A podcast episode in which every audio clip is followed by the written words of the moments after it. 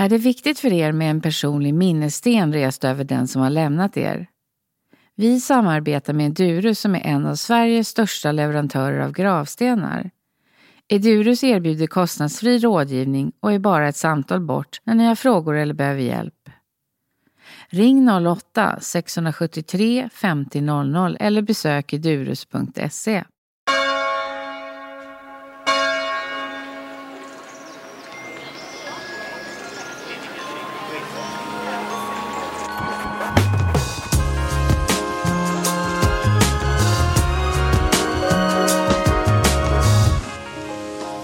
Välkommen till Min död, min begravning, Lotta Alvar. Tack så mycket. Ja, jag ska ju berätta vad du gör, men du gör ju så mycket så jag tror att du får berätta själv. Vad gör jag? Ja, men mångsysslare kanske är en bra titel. Ja. Nej, men jag har ju en bakgrund som är väldigt tydlig i mode och textil. Där jag ju eh, i många år också jobbade som eh, yrkesverksam formgivare fast för olika företag så jag har inte haft något eget varumärke. Och sen har jag liksom glidit in i eget företagande, haft designstudio, glidit från mode in mot design, inredning, ja, produktdesign. Jag har liksom designat 3D-grejer, skor och såna saker då, som är till skillnad från modeplatt. Och sen så nu sista åren så har jag faktiskt märkt att jag glidit över mer mot slöjd, konst och konsthantverk. Så att på något sätt så finns det väl någon liten röd tråd i det här att jag liksom har jobbat med yta på något sätt. Så jag har ju lämnat det kreativa skapandet för många år sedan och också lett olika organisationer och ja, fortsätter att leda olika organisationer då i, fast idag i slöjd och hantverk. Och finns det någonting i den här röda tråden som har med begravning att göra? Jag vet katten, men Alltså det är ju lite så att man är yrkesskadad så att jag tycker att det är mycket som jag inte tycker om. Nej, men när man kommer till kyrkor eller när man kommer till eh, rum där man liksom ska ha tid för reflektion och andakt kanske eller på något sätt ändå prata med själen eller vad man nu gör när man pratar med döden också. Och det stör mig lite grann. Jag tycker att det är lite jobbigt att det inte finns någon estetik hela vägen ut. Men jag försöker ju lämna det här med yta och jobba lite mer med det inre. Jag har jobbat med yta hela livet. Fint, fult, snyggt, fel, rätt. så att det märker jag att jag är lite yrkesskadad över. Att jag, liksom, jag går in och så ser jag liksom direkt så här, ja, det bordet passar inte med den sofforna som vi sitter i nu. Det är väldigt jobbigt. Ja. Men eh, när du dras mot att eh, jobba mer inåt, vad är det som har fått dig att göra det? Eller vad är det du har upptäckt då? Ja, nej, men jag tror att det börjar lite så här, man brukar säga att eh, män kör motorcykel när de kommer till ålderskrisen runt 50 och tjejer börjar yoga eller går självutvecklingskurser eller något annat. Men det var nog faktiskt yogan som fick mig på spåret. Mm. Så att jag började yoga för ett antal år sedan väldigt, väldigt mycket. Och, um, ja, det bara liksom tog mig verkligen så. Och eh, med yogan så, du är ju med dig själv och du är på din matta. och Att kunna liksom vara i nuet är ju en ganska stor fördel om man liksom ska faktiskt kunna tycka om yogan. Så yogan är nog faktiskt vägen in för mig i eh, att liksom blicka in i mig själv lite mer. Så jag har ju också utbildat mig till yogalärare. och där började faktiskt resan i det inre. Så är det.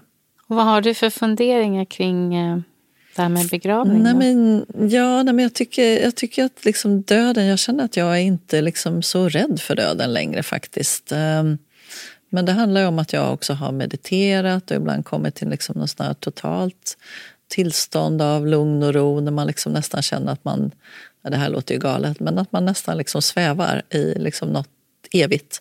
Så att jag känner att är det så det är att dö så är det ju helt okej okay, faktiskt. Med begravning så känner jag nog att min egen begravning den är väldigt långt borta. Inte så att jag är rädd för att dö, men jag känner att jag har liksom inga tankar om hur jag vill att den skulle vara egentligen. Jag tror att jag kanske kommer att fundera på det lite grann sådär att jag vill ändå kanske skriva ner lite hur jag vill ha det när jag börjar närma mig. Mm. Jag tänker att det måste vara minst 20 år kvar i alla fall. Mm. Men å andra sidan, de säger att man ska göra sådana saker i god tid att det är jättebra att ha gjort det. Ja, nej men jag tänker att man vill ju go in style om man säger så. Då är det nog viktigt att skriva ner. Det kan det vara. Eller fundera. Men som sagt, man tror att man har all tid världen. Nej, men det har man ju inte. Så är det ju.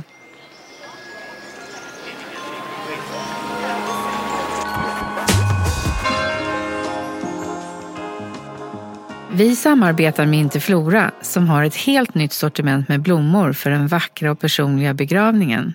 Klicka in på interflora.se och sök på begravning så hittar du säsongens blomstrande sortiment, det som är aktuellt just nu. Vill du se årets alla begravningskransar, buketter och dekorationer, besök din lokala Interflora-butik.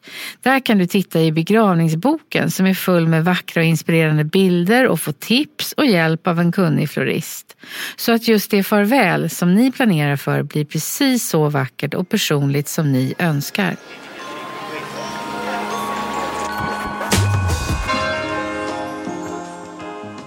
Du säger också att det liksom har hänt saker i ditt liv som har gjort att du kanske har upptäckt saker, som det här med din pappa. Jag känner nog att vissa saker som jag inte har tagit tag i har, liksom, de har kommit ikapp mig nu. Och eh, jag var ju sex år när min pappa dog i en trafikolycka. Och det var en sån här fantastisk, underbar junidag som vi har nu. Det är varmt, skönt. Jag för mig att vi stod i köksfönstret och vinkade. Han körde motorcykel och vinkade av honom. Och sen har jag fått lite pusselbitar av gamla barnflickor som har berättat också liksom det här som jag inte riktigt kom ihåg för att jag har, har förträngt nästan alla mina minnen från min pappa. Jag tror att det gjorde så ont att min pappa åker till jobbet och sen så på kvällen kommer han bara inte tillbaka.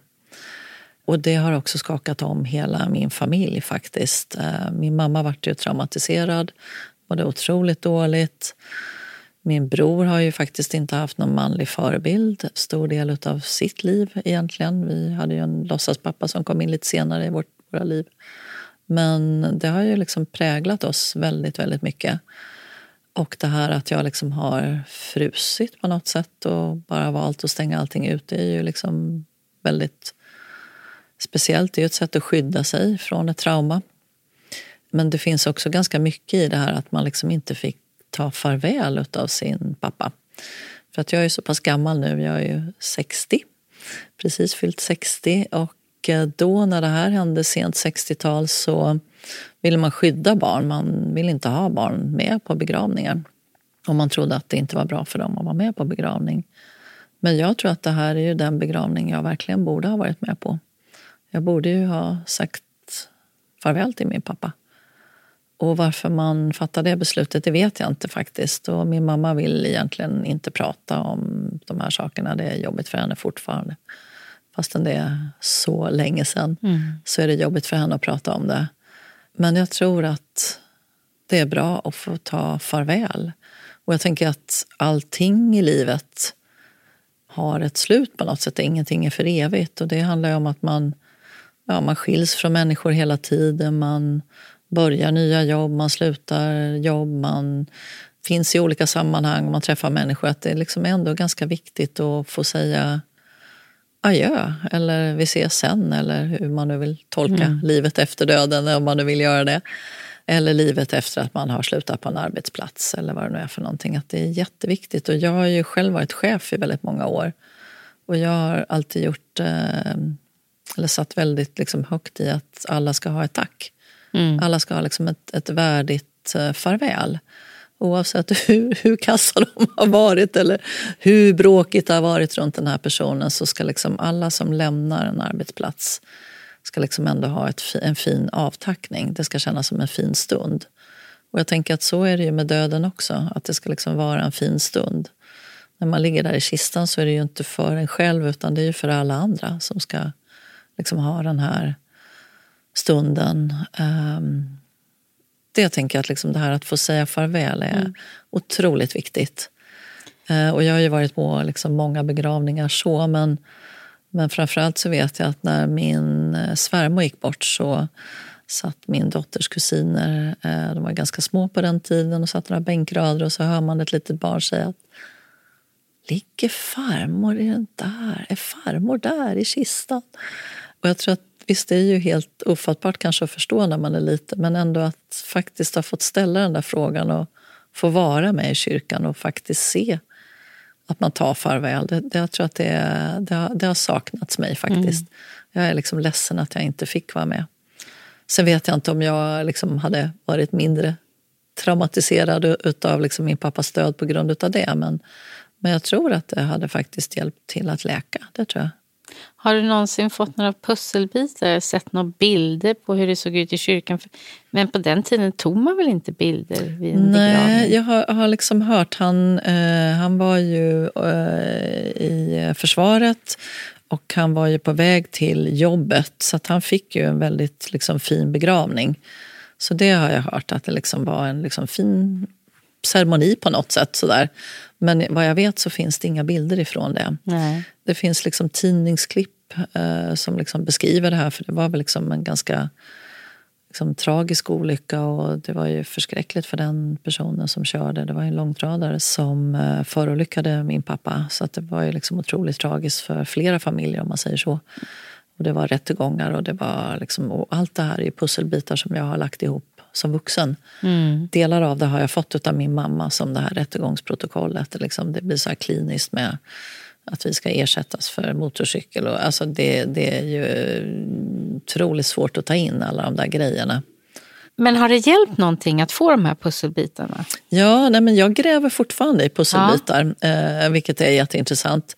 Jag har ju börjat plugga, så jag går ju en utbildning som heter inre ledarskap på någonting som heter Psykosyntesakademin där man faktiskt ju då gräver ganska djupt i sig själv på olika sätt. Och den här läkande resan den började när jag faktiskt med yogan och att jag liksom har hittat Psykosyntesakademin. Jag tror att det finns vissa liksom, kopplingar tänker jag, med yogan också. för att mm. Assagioli som han heter som ju var samtida som Freud och Jung.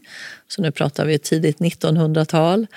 Han tog ju egentligen väldigt många olika teorier och gjorde till sin egen syntes.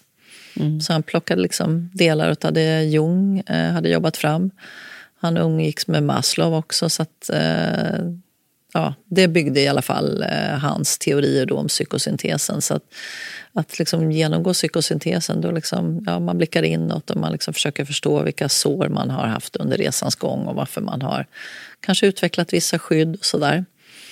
Så det grottar jag i. Och eh, alltså Jolie trodde ju också att vi liksom fanns i en större helhet. Att det finns en större mening med att vi har blivit födda på den här jorden. Att det liksom finns något större. Och det finns ju också otroligt tydligt i eh, liksom yogan. Så att, eh, tittar du på österländsk eh, filosofi så, så känner man igen jättemycket. Och Jung var ju otroligt influerad av det här också. Så det, det, är liksom inte så konstigt tänker jag, att jag hamnat i det här. Det är som alla pusselbitar börjar liksom lägga upp sig. Och som liten så var jag faktiskt otroligt... Eh, jag trodde verkligen på en gud med långt skägg upp i himlen. Och jag tror kanske att det har med att min pappa gick bort också. För att jag bad ju till Gud och jag pratade faktiskt med min pappa. Jag tänkte att han satt där uppe och han såg mig. Så det är väl också ett sätt som ett barn liksom kan hantera det här med döden. Så jag trodde att min pappa satt där och ibland så fantiserar jag att liksom, min pappa fanns i andra reinkarnationer som liten. Eh, och min pappa hade mustasch, vilket ju liksom var, sen kom ju 70-talet och alla hade skägg och sådär, men mustasch var ju liksom, ja, var väl lite ovanligt. Så jag vet att jag hade fantasier om att Allan Edwall kunde vara min pappa för han hade mustasch under en period. Men så jag tänker det är väl också liksom barnets sätt att liksom på något sätt försöka hitta någon logik sådär. Men det här att jag liksom har grävt och försökt få pusselbitar, det, det är ju väldigt mycket tack vare psykosyntesen faktiskt. Efter olika sessioner, man går ju då i utbildningen såklart. Man läser ju både teoretiska delar och så gör man ju också faktiskt väldigt mycket gruppterapi. Mm. Och sen går man ju också på olika terapisamtal själv under hela den här utbildningen. Så att det är två år grundutbildning och sen om man då känner för det så kan man gå vidare till att bli terapeut. Men eh, i mitt undersökande då så liksom kommer det tillbaka pusselbitar. Så att jag, jag minns ju liksom ingenting av hur det såg ut hemma hos oss. Men däremot så kommer jag ihåg exakt hur det såg ut hos min dagmamma. Mm -hmm. jag, liksom, jag har ju ringt till henne för att fråga hur jag var som liten och lite sådana där saker. Hon är 94 år, helt klar i knoppen. Och hon var jättechockad för jag kunde beskriva precis i detalj hur det såg ut. Här är liksom mig då med ytan. Exakt hur det såg ut, vilka typ av överkast de hade, vilka kaffekoppar de drack ur. Att det satt en Frank Zappa-affisch på toaletten vatten, vilka leksaker jag fick låna från deras barn då, som de hade haft när de var små. Och, ja, liksom, jag har ett sånt otroligt detaljminne för liksom, hur det såg ut. Men jag kommer inte ihåg någonting från mitt eget hem, vilket är liksom jättemärkligt.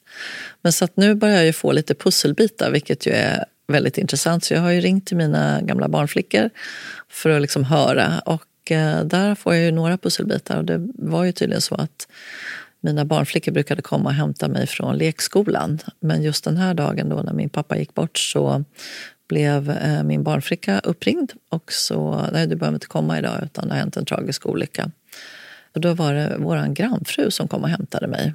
Vilket är jättemärkligt att ja. man liksom sliter upp ett barn ur en ganska trygg miljö. Men jag skulle liksom hem då. Och det här måste ha hänt redan liksom på morgonen så jag måste väl liksom ha varit rätt nylämnad på lekis då. Och hur jag minns att jag sitter på utsidan av vårt hus. Och det har jag sett också på kort att vi hade speciella plattor utanför huset som var åttkantiga, var de väl, som oktogoner. Svarta och vita som passade i varann. Att jag sitter där och tittar ner på de där plattorna, det är väldigt varmt ute.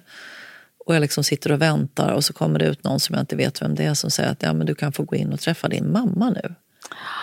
Mm. Och hon var ju liksom helt förstörd så jag förstår inte ens varför man släpper in ett barn till sin mamma som är helt förstörd. Men, mm. ja.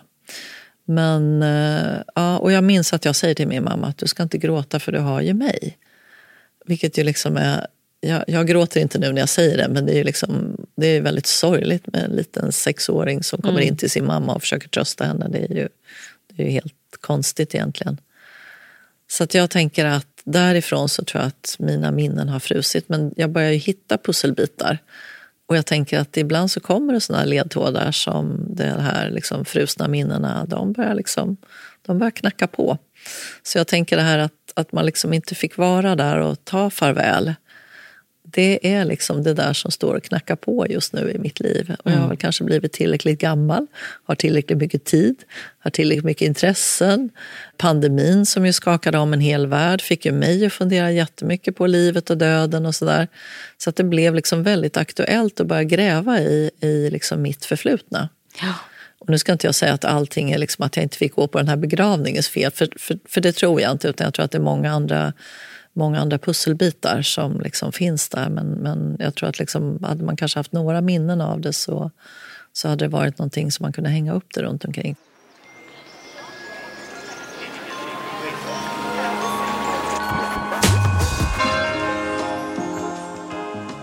Finns det några andra begravningar eller avsked som har eh, haft stor betydelse för dig? Där mm. du känner att du har fått ja, göra det avskedet? Jo, det har det faktiskt. Och det var ju i somras och det var väl också det som var en bidragande orsak till att jag faktiskt anmälde mig för att gå den här utbildningen. Och det var ju min faster som gick bort i somras. Och min faster hade ju inga egna barn. Hon gifte sig väldigt sent. Och både min faster och farbror de eh, var ju ganska stor. Alltså min faster älskade mig från dag ett. Kan jag säga när jag var nyfödd. Hon var den första besökaren på BB och allting.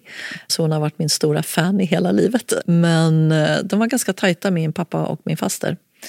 Så att i och med att min faster aldrig fick några egna barn så var ju jag ganska viktig och även min bror var ganska viktig. Och då när min pappa gick bort så var ju jag ganska mycket hos min faster. Och då hade de precis flyttat till den lägenhet som jag då fick döstäda för ett år sedan, i förra sommaren. Mm.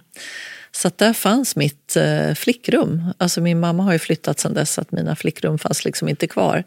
Men hos min faster så fanns ju faktiskt det som då hette Lottarummet. Och i Lottarummet så fick jag ju liksom, ja, jag fick gå tillbaka. Allting är inte precis som det var, men ganska mycket såg ändå ut som det gjorde från början i Lottarummet. Eh, vi var ju tre arvingar. Eftersom min faster inte hade några egna barn så var det jag och min bror då, som ärvde efter min pappa. Och sen så fanns det ju även en tredje syskon då i familjeskaran där. Så att det var min farbror. Min farbror är väldigt gammal så han orkade ju inte ta hand om någon döstädning och min bror tyckte att han behövde jobba så att han avsade sig alltihopa. Men det gjorde att jag faktiskt fick förmånen att eh, säga adjö till min faster det här att faktiskt få göra alla de här rutinerna är ju... Alltså jag tror att det finns en mening med dödens ritualer. Det är ju otroligt uttänkt och de är otroligt nyttiga. Och man behöver dem, även om de kanske känns obegripliga när man står mitt i det. Så att jag var hos min faster då när hon eh, gick bort. Jag hade hjälpt henne ganska länge. Hon liksom inte klarade sig själv. Hon hade hemtjänst och sådär. Hon bodde själv. Hon blev 94 år. Hon var liksom nästan helt klar i knoppen. Hon Var inte gaggig, men hon hade liksom lite, det var lite krångligt med räkningar och sådär så man fick hjälpa henne med räkningar. Men annars så klarade hon sig helt själv och bodde hemma. Det var ju en tid då liksom när hon hamnade på sjukhus och sådär som ju man tänkte att ska hon komma hem den här gången eller inte. Men då ringde de också och sa att nu är det dags att du kommer upp så att jag är jätteglad att jag fick sitta med. Och det är otroligt speciellt att sitta och hålla någon i handen när den personen försvinner. Mm. Och man känner att själen försvinner med en gång. Mm. Den, bara, den finns inte där längre. Det är så påtagligt. Ja, det där ögonblicket är väldigt ja, det, det, tydligt. Ja, det är jättetydligt. Alltså, mm. En sekund finns man och sen finns man inte där. Så jag, jag, jag tänker att hon var med när jag föddes och jag fick vara med när hon gick bort. Det är mm. ju, alltså hon var inte fysiskt med men hon var liksom, några timmar senare så var hon ju på plats och hälsade på mig på BB. Så, att, eh, så att hon var ju jätteviktig för mig. Mm.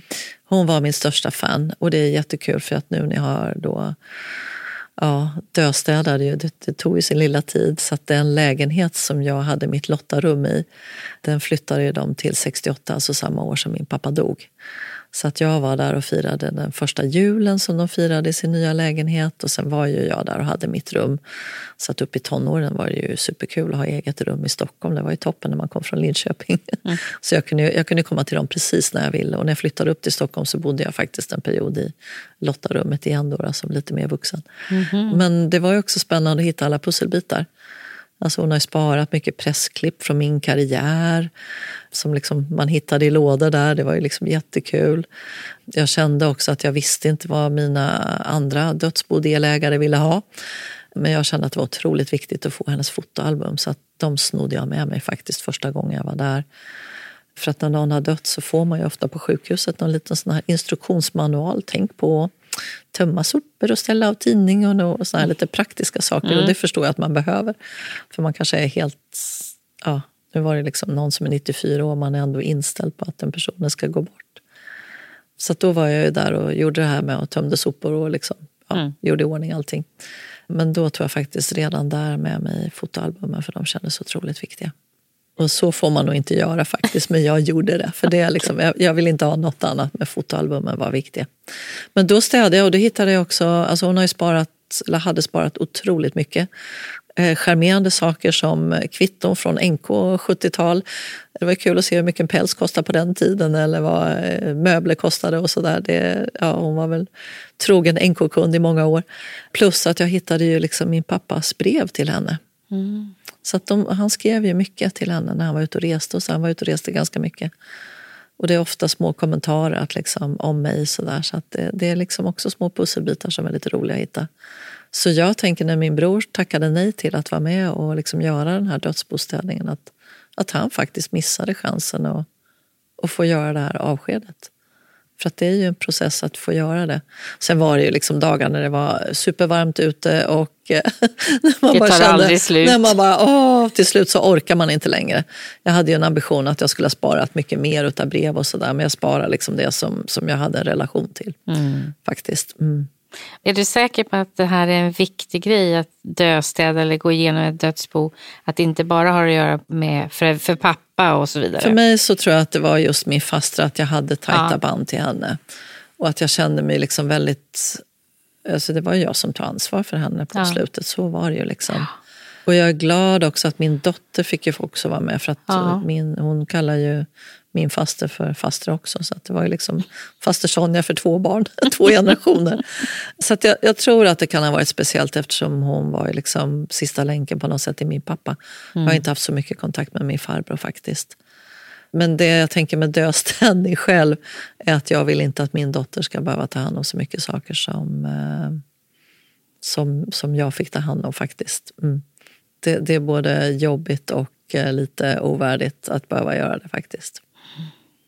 Så det tänker jag att jag ska försöka att röja lite mer så att jag i alla fall är lite mer döstädd.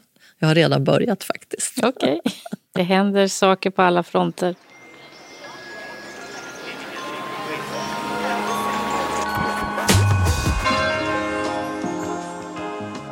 Du sa ju till mig också mm, det här med begravningar som man inte går på. Var det mm. någonting ytterligare än din pappas begravning? Ja, nej men det är faktiskt en till begravning som jag... Och jag var ju liksom mitt i karriären då. Och jag tänker också att när man liksom har uppvuxna barn, utflugna barn, att det är den tiden man har att tänka på sig själv, the golden age. Innan man liksom blir alltför trött. att det är nu man liksom kan göra de här sakerna. Att liksom kanske titta in i sig själv då, som jag gör. Utveckla sig själv, göra något annat, kanske byta jobb. Eller, alltså, det, är, det är nu man kan göra de här grejerna, att man liksom har tiden och förmodligen så har man ju ekonomin som man kanske inte hade när man var ung och ville göra andra saker. Så att jag tänker att det är massa saker man vill göra nu. Men jag tänker också att när man är fullt upp och liksom Ja, jag har ju verkligen gjort karriär. Jag har liksom jobbat jättemycket. Jag har liksom varit vd i 17 års tid och haft 60 timmars veckor och det är ju helt sjukt. Jag vet inte varför jag har pysselsatt mig med det. Jag har ju liksom missat livet lite grann och inte haft balans. Så det är väl kanske också en pendel här att jag liksom grottar i det inre för att jag inte liksom har ens reflekterat över de sakerna. Men jag var inte med på min svärfars begravning heller faktiskt. Och det är jag lite ledsen för, för att jag tyckte väldigt mycket om min svärfar. Han var otroligt fin. Så det kändes lite konstigt. Men då hade jag ju något liksom superviktigt uppdrag då som jag ju liksom var tvungen att göra. Och det är ju så, är man vd så är man ju liksom alltid ytterst ansvarig för hela ekonomin och alla anställda och sådär. Så att då sätter man sig själv i sista rummet. Så att eh, om man vill vara lycklig så kanske man inte ska vara vd. Nej, men så det tänker jag. Så att begravningar som man inte har varit på man kan fundera på varför man inte går på dem. Det kan ju finnas anledningar till att man inte går på dem. Jag har ju en diskussion med min mamma nu. Jag är lite arg på min mamma faktiskt. Det är en lång historia, men, men hon vill ha så kallad direktkremering. Mm. Vilket innebär att man hoppar över begravningen. Ja. Och jag tänker att eh, hon har ofta varit ganska upptagen av sig själv. Och det här när hon då är sitt trauma, liksom, hon orkade ju inte ta hand om mig och min bror då när min pappa hade gått bort, så är det ju. Och det är ju tragiskt på många sätt och jag tänker att vi som familj borde ju liksom egentligen ha fått hjälp att reparera oss. Men, eh, så att hon har, har ju varit ganska upptagen av sig själv. Och det här att hon väljer det här, det är ju liksom, hon fortsätter sin lite egoistiska bana. För jag tänker att ja, även om hon tror att hon gör mig och min bror en tjänst så tycker ju inte jag att hon gör det. Utan att liksom få ändå få göra ett avsked. Sen när man gör det liksom i kyrkan eller hur man gör det, det spelar inte så stor roll. Men men jag tycker det känns lite konstigt att hon vill ha en direktkremering faktiskt. Det tycker jag. Mm. Betyder det att hon vill ha en direktkremering som sen blir en urnceremoni i kyrkan? Ingenting alltså. Ingen hon ceremoni. bort med allt. Mm. Och jag tror att det också handlar om hennes sår runt min pappa förmodligen. Mm. Som gör att hon tycker det här är jobbigt. Och runt min pappa finns det också massa konstigheter för att vi bodde i Linköping även om han kom från, kom från Stockholm. Och Eh, vi har en familjegrav eh, på min pappas sida som finns på Norra kyrkogården. Som är en sån här kolumbariegrav, vilket ju är jätteovanligt. Men mm. vi har det i alla fall. Så det finns en alvarsk familjegrav där. Och eh, min pappa är inte begravd i Linköping, vilket man ju tycker kanske skulle ha varit ganska logiskt. Mm. Utan han ligger i familjegraven. Så det gör att jag är faktiskt den som har haft närmast till min pappa, vilket låter helt konstigt. Eftersom jag bor i, jag bor i Vasastan så jag har ju cykelavstånd till min pappas grav. Och när jag har börjat besöka den så har jag liksom, ja, jag har åkt dit lite då och då. Framförallt så har min faster också tyckt att det varit viktigt eh, så att man åkte med henne. Och när hon inte orkade så vet jag att man åkte dit och ibland så struntade man väl i att sätta dit någon, det finns ju några små vaser som hänger där. Alltså det var inte det, men bara att man liksom hade varit där en liten stund kändes bara sådär att man ville göra. Och jag ville att min faster skulle ligga i kolumbariet också, för det finns ju platser kvar där då, tydligen. Och eh, hon hade ju, vi hittade ju egentligen inte hur hon ville ha det först. Men hennes man ligger ju också på Norra kyrkogården då, men han ligger i, eh, vad heter det, i minneslunden. Mm -hmm. Och jag gillar egentligen inte minneslundar faktiskt. Jag, jag känner att det, det gör mig detsamma, då behöver jag inte gå dit egentligen. Så att minneslunda har jag ingen relation till faktiskt. Vi har också familjegrav i, ehm, i Linköping. Stor pampig gravsten och allting som också har en konstig historia för att om man inte sköter sina gravar så då transporteras ju stenarna bort. Mm. Och um, där var det någon annan släkting som vårdade den där graven. Och de tyckte väl att nej, det där ska vi hålla på och betala för det där. Så de slutade betala helt plötsligt. Och av en slump fick min mamma reda på att den där, för de får inte då förstöra de här gravstenarna med en gång utan de liksom förvaras under en period. Så då fick min mamma reda på att den där liksom stenen fanns där. Så då sa han, men då tar jag över gravordnaden. Så att min mamma har liksom verkligen tänkt ut sin begravning, mm. det är mm. helt klart. Det vill säga då direkt kremering och rakt ner i, i liksom familjegraven i Linköping. Och det är ju liksom, ja, det är en gravplats där man gräver ner någon och sådär. Eller gräver ner askan. Men då vet jag att jag hejade på det där väldigt mycket för jag tyckte att jag hade läst en artikel om att de maljer ner gravstenarna och sen så kan det bli vägfyllning. Oj. Och att på något ställe så hade folk faktiskt hittat gravstenar där man kunde se vilka personer det var. Vilket ju känns helt absurt. Så jag var bara så här, nej, men det är klart att det inte ska ligga någon liksom alvarsk familjegrav som liksom betongfyllning inför liksom cementering eller asfaltering. Så det där var ganska självklart. Och det är klart att en dag så kommer de där familjegravarna inte spela någon roll whatsoever. Men eh, kolumbariet är bra för att det står ju där, man behöver liksom inte plantera eller sköta det på något sätt. Så jag ville att min faster skulle ligga där för att eh, ja, det var väl liksom lite egoistiska skäl för mig. Jag går ju till den och mm. jag tänker att hon var tajt med sin bror och där ligger hennes mamma och pappa och så där också. Min farfar och farmor. Och um, jag vet att hon har sagt att hon ville ligga med sin man i minneslunden så där, men jag tänker att hon hade ju varit kortare tid gift med sin man än liksom, hon hade varit änka mycket, mycket längre än vad hon har varit, varit mm. gift när hon gick bort. Så vi visste inte riktigt, utan jag kom med förslaget då till de andra närmast sörjande, det vill säga min bror och hennes bror. Och fick ju liksom nobben, nej, det ville de inte. Först så gick hennes bror med på och tyckte att ja, men det var väl bra, hela familjen var samlad och sådär. För att han vill också ligga i den här familjegraven, vilket också är konstigt för han bor idag i Härnösand så han vill, han vill ligga i familjegraven. Men min bror ringde då och så snackade de här gubbarna ihop sig och tyckte nej. Så jag fick gå tillbaka till begravningsbyrån och ändra hela beställningen. Nu ska man ju veta att jag håller på med yoga och är lite flummig sådär men alltså jag tror ju ibland på tecken. Då när jag skulle upp och prata med prästen inför min fasters begravning för jag var ju liksom ledig och var på landet så att jag åkte upp och döstädade med lite jämna mellanrum för att man orkade ju inte hur mycket som helst.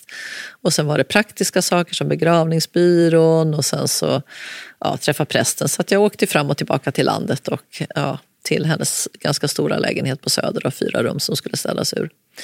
Och sen var det ju pandemi så det var inte bara att ringa till Erikshjälpen och säga ta det här. Nej, vi gör inga körningar nu. Så att, alltså det var ganska mäckigt den här liksom perioden. Men då skulle jag i alla fall träffa prästen och eh, dagen innan, eller om det var på förmiddagen, det kommer jag inte ihåg. Det var jättevarmt och skönt, det var precis som de här dagarna. Då ligger jag på bryggan och liksom bara, ja, sådär, ja, funderar och liksom livet och sitter där och tittar. Och så liksom börjar jag flytta förbi fjädrar. Och liksom av någon ingivelse så fick jag bara, nej men jag måste simma ut och ta den där fjädern. En ganska vacker, stor, liksom, gråbrun fjäder. Och sen liksom kommer det en till och så kommer det en till och så kommer det en till. Så jag fick liksom som en sån här mission att jag var tvungen att samla ihop de där fjädrarna. Så att jag samlade ihop de där fjädrarna, det blev ju nästan som en hel liten bukett så att det måste ju ha varit något djur som har blivit nackat någonstans. Och den där liksom lilla buketten av fjädrarna satte jag liksom i vas och sen började jag googla lite. Vad, vad liksom, finns det någon symbolik i liksom feathers? Men då finns det ju en symbolik och att eh, fjädrar är liksom en signal, en, en hälsning från någon. Mm. Jag tänkte inte så mycket på det utan bara, en hälsning från någon. Så, ah, okay. så får man tro på det här om man vill men jag, jag tycker att det är lite härligt. Jag tänker att livet blir lite mer spännande om man tillåter sig tro på lite mystiska också. Men i alla fall, så jag åker upp och träffar den här fantastiska prästen och ska man begravas i Stockholm så kan jag nog rekommendera Katarina församling. Mm. Helt fantastisk. Underbar präst. Vi satt och pratade länge. Uh, han uh, kändes liksom... Ja, han, han, var liksom nyfiken på min faster fast han aldrig hade träffat henne. Han var nyfiken på vem jag var och det var liksom ett jättefint samtal. Vi satt på Katarina kyrkogård och det var liksom så här varmt och ja, väldigt, väldigt liksom fint samtal. Och sen så bytte vi eh, mejluppgifter då så att vi skulle kunna höras. För han frågade också hur hon ville ha det, vilken musik och liksom fanns det några tankar runt det där. Och sa nej, jag, jag har liksom inte hittat någonting. Jag vet inte, men vi ska ha jazz. Hon älskade ju jazz. Hon har ju liksom träffat Duke Ellington, Dexter Gordon. Hon var ju liksom en cool brutta. Hon hade egen bil på 50-talet. Hon bilade ner till Paris och gick på liksom jazzklubbar. Hon, var, hon kunde åka över helgen till liksom Köpenhamn för att gå på någon bra jazzgrej och sådär. Så hon gillar jazz. Så det var det enda jag visste, att vi ska spela jazz i kyrkan. Och han var så här, ja men jag har en organist som liksom, han kan spela på flygen så att vi, vi kan nog liksom fixa. Återkom nu liksom när du vet vad du vill ha sådär. Och sen i alla fall så åker jag då till faste för att fortsätta min döstädning. Och sen liksom vänder jag på några papper som jag faktiskt har haft med till henne från bankfacket.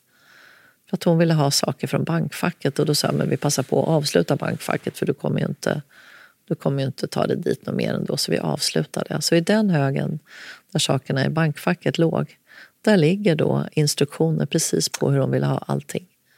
Så jag tror de här fjädrarna, det var meddelande att det kommer, du kommer att hitta det. Och jag hittade det. Så det var ju bara att mejla. Så det var liksom precis vilken musik hon ville ha allting.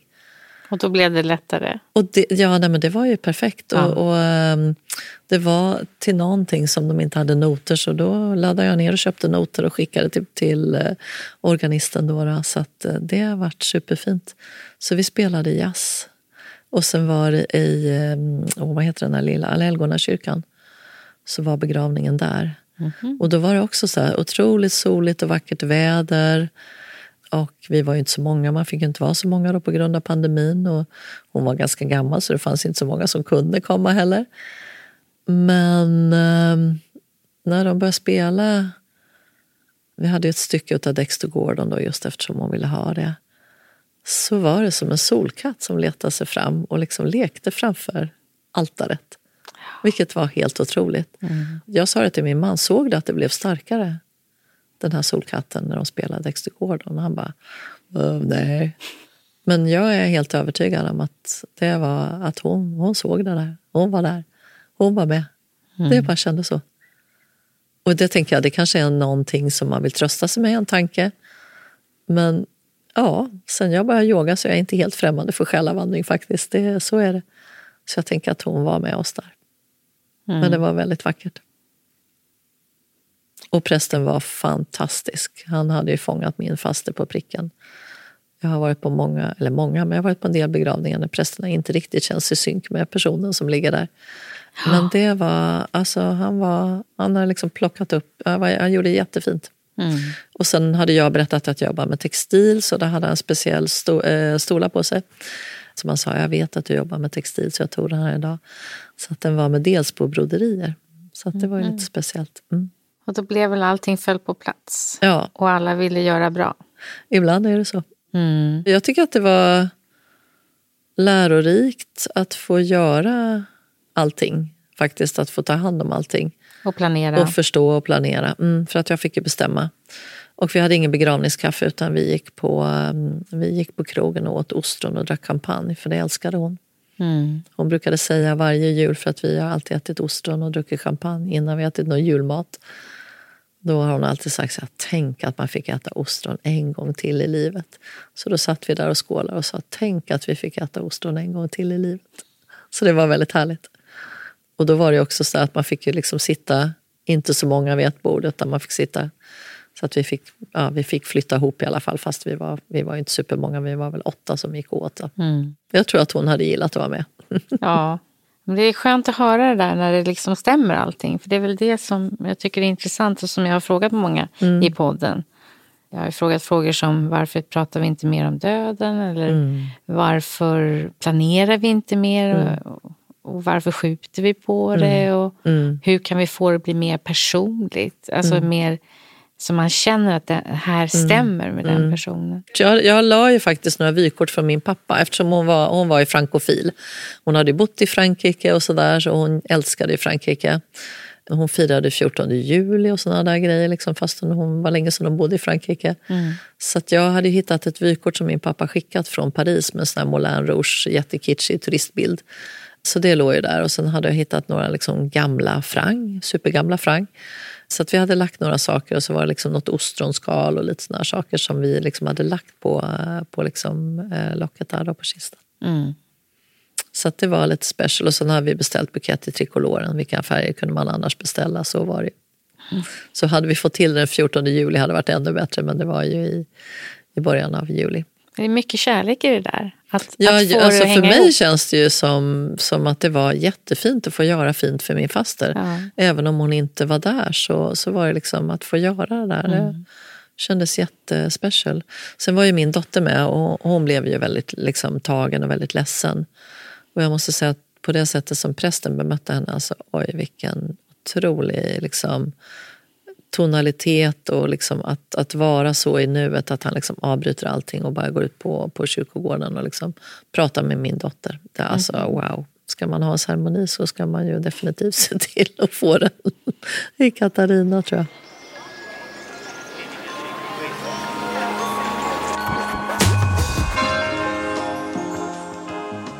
Ja, men I det här hör man ju lite olika saker. Det är både så här jätteviktigt för den som sörjer att få gå igenom kanske dödstäda eller gå igenom ordna och planera. Att det kan vara väldigt läkande. Och sen så pratar vi ju mycket om också vad bra om det finns instruktioner för då kan man i alla fall veta åt vilket håll man ska göra det. Och, och vem är det för så att Och säga. dessutom det som var, det stod ju att hon ville bli begravd i minneslund där. Ja. Så att jag fick ju ge mig. Men Ja. jag tänker att hon hade ju inte märkt något annat. Men å andra sidan så kanske det inte hade känts så bra. Nej. Visst är det bra. Nej, men jag tänker att vi moderna människor, vi har ju liksom massa social media-konton och andra saker som man liksom också, det är klart att man vill att liksom någon ska veta vad de gör av dem. Och det tycker jag, det var ju, hon tillhörde ju Fonus eh, så att jag fick ju hjälp där med hela begravningen och det fanns så mycket pengar inbetalat i begravning så vi hade kunnat göra förstlig begravning om vi hade velat. Men hon skrev också enklast möjligt. Lotta får välja. Ja, jag är ju inte med. Ha, ha, ha, ha. Så det, det var ju väldigt roligt det där liksom, dokumentet hon hade skrivit. Liksom. Nej, det får Lotta bestämma. Och, liksom, jag är ju ändå inte med. Det, det, var liksom, det var väldigt roligt att läsa det där måste jag säga. Så jag är glad att jag hittade och att jag hittade tid. Liksom, att jag inte hittade... eh, Jag kunde ju lika gärna ha liksom, Bestämt allting. Ja, jag kunde ha letat i den där högen tre veckor senare, då hade det Ja. varit för sent. Mm. Dödstädning, jag tror inte att det spelar så stor roll om det är jättemycket att städa eller lite att städa. Jag tror att det bara liksom är att man får kanske vara där den döda har varit och liksom, ja, platsen, att man ändå liksom får, får säga adjö. Eh, Jag har ju nyligen sålt eh, ett hus som jag inte har bott i, sådär, men, men liksom att, att gå när allting är tomt, att liksom bara sådär gå igenom huset och säga hej då. Det är också ett slags farväl. Så jag, jag, jag tror att det är jätteviktigt med farväl. Och jag vet att jag eh, lämnade ju en arbetsplats under pandemin och jag blev aldrig avtackad. Eh, Alltså, det är ingen big deal, men jag, jag tror att det känns skönt att faktiskt bli avtackad. Inte bara för mig, utan för dem som jag hade en relation till. Ja. ja, men det förstår jag. För du säger ju mm. själv att det vä- väldigt Ja. viktigt för dig att tacka av. Ja, nej, men jag alltid, och, och jag, jag pratar faktiskt med några stycken för att eh, jag, jag började precis min yogautbildning eh, 2020 där på hösten. Och då, prat, då var vi liksom ett gäng som var så här, ja, men liksom, vad gör man nu under pandemin? Det var, det var, vi var en skara liksom så. Mm. Det var en tjej som jobbade för ett taxibolag där de ju var tvungna att säga upp väldigt mycket chaufförer. Och hon hade bestämt sig också för att liksom alla som går, de ska ha sina liksom fem minuter där de liksom bara är i fokus. Eller fem minuter, men five minutes of fame eller 15 minutes eller vad det nu är för någonting. Men att, att liksom hon menar på att det var otroligt viktigt att liksom få det här. Och, och det har jag också känt. Det är liksom inte alla, alla medarbetare som man har haft alla gånger som har funkat. En del har man ju varit tvungen att säga adjö till och det har ju varit ganska smärtsamt. Men att man liksom ändå gör det här liksom till, till liksom en, en, ja, ett värdigt avslut för alla. Och det, det är ju inte bara för den som går därifrån utan det är för de kollegorna som är kvar Ja. också. Mm. Men det är väl samma sak som är begravningen till för den som har dött eller är begravningen Mm. till för de efterlevande. Och där finns det ju också lite olika tankar men det är ju lite både och tycker jag. Mm. Ja, men jag tänker att mm, hur mycket egoist är man när, när, liksom, när det är dags där? Faktiskt. Jag är lite, ja, men jag tänker att liksom, man kommer ju säkert ha skrivit ner någonting, man kommer säkert ha gjort någonting. Men samtidigt så, hur mycket egoist kommer man vara i det läget? Ja, eller så är man guidande. Ja. Ja, för man, man ska ju göra det medan man liksom orkar ta tag i Ja. det. Mm. Och vad är det som är egoistiskt? Att vilja någonting? Eller? Ja, nej, men jag tänker att min mamma är lite egoistisk för hon tänker bara på sig själv. Det här är liksom som hon tror är bra. Men vad vet hon om det egentligen? Hon vet ju inte hur vi funderar. Hon, hon har liksom inte frågat oss om det. Ja, nej, men hon, hon, ja, ja, jag vet. Jag tycker det är så märkligt. Att vi liksom inte får, kommer få ta, ta farväl av henne faktiskt. Men då, då kan man ju tänka att jag är också extra känslig. Ja. Eftersom jag inte fick ta farväl till min, eh, till, alltså farväl av min pappa. eller så får ni fortsätta att talas vid och prata. Med Ja, henne. jo, och det, jag, jag, oj vad jag bearbetat henne sen jag började plugga. Stackarn. Så är det. Pratar du mycket om de här sakerna med din familj? Jag tänker din man och barn. Mm. Pratar man med sina barn om sin framtida död? Nej, man gör ju inte det. Man Nej. undviker de ämnena Ja. faktiskt. Men, men jag själv har liksom tänkt på döden och just eftersom jag har haft liksom, när man liksom är något sådär totalt icke-tillstånd när man liksom mediterar. Alltså det, det är en otroligt skön känsla. Du bara liksom är. Jag tänker att det är väl så nära nirvana man kan komma förmodligen. Liksom att, bara, att bara vara. Och att man känner att man, liksom, man är inte rädd. Det är, liksom inget, det är bara skönt att vara i det där tillståndet. Så, så tänker jag att det liksom livet efter det här är. Att man bara liksom är i ett.